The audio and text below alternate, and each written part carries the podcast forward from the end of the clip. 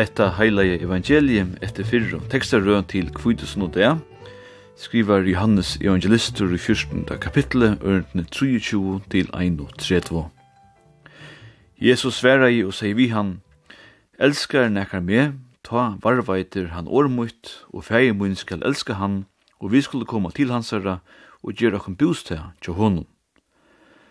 Tan som ikkje elskar me han varveitir ikkje ormuine, og året som tid høyra er det ikkje mutt, men fægersins som sendte meg. Hette her vi tala tiltikkara medan i var verande tjatikkun.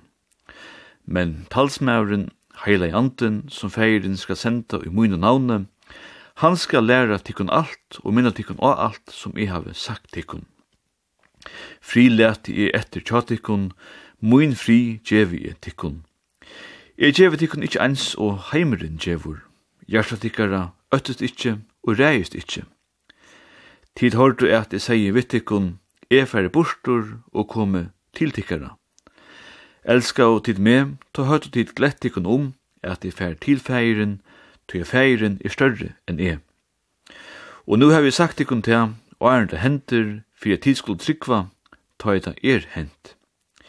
Jeg skal ikkje langur tala nek vittikon, tog at høvdingen i hessen heime kjemur, og ui mer eier han alls ondje. Men fyrir at heimren skal kjenne at eg elsker feiren og at eg gjør så leis som feiren hever boi mer. Standi opp, let hon okkom færa hiane. I morgen hever kyrkjan føyngar det. Og kvitasunne minnast vid at hin heila i anten kom iver av apostlanar som vi lesa i øren kapitlet og i apostlasøvnet. Navnet Kvidesunna kemur av at i fondkirkene var hetta dopstøyen fram om ærar, og at han kvit og klævnun som tei og døpt voru voru ui. Aksel Torgar skrivar i bókene Diar og Nøvn og i Olmalakanon at navnet vinner seg ratt og i gamlo ensko kyrkjene og hian kjemur til Norriks, Førja og Íslands. Ta navnet som korsene vann fram i flestu europeiske Londonon, var året som til dømes av donskun er pinse. Onkut du hever veri av hårste fyrjun, er folk av yngst kvarn øron gleilja pinsafest. Ta kjemmer av griske pente koste, og i mørkjer holdt trusjens tjunde dævren etter postjer.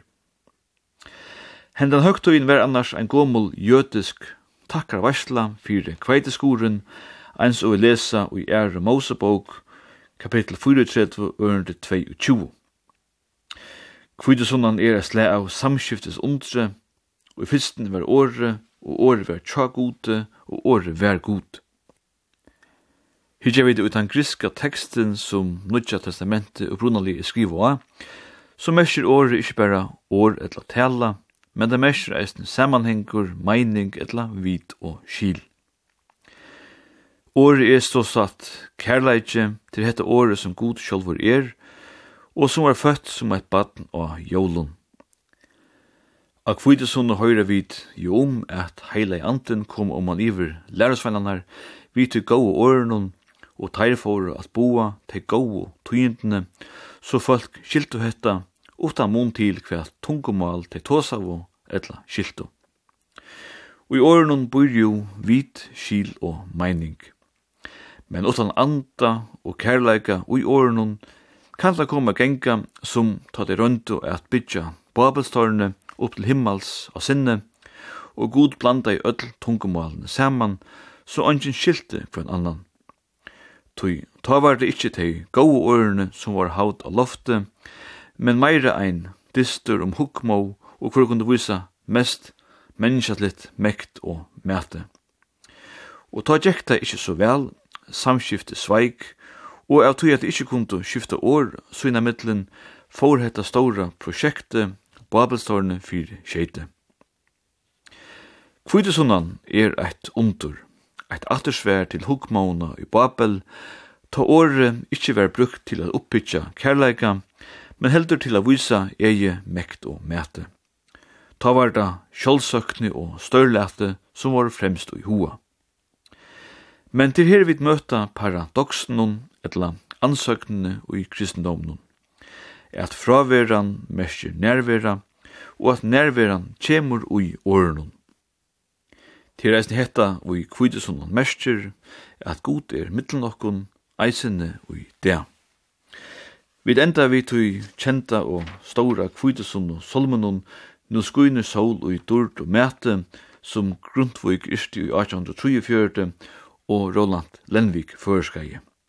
Han er nummer 229 i Solmabogsne, opptøkene gjørt i Glivra kyrkjo. Gledelige kvittesundom.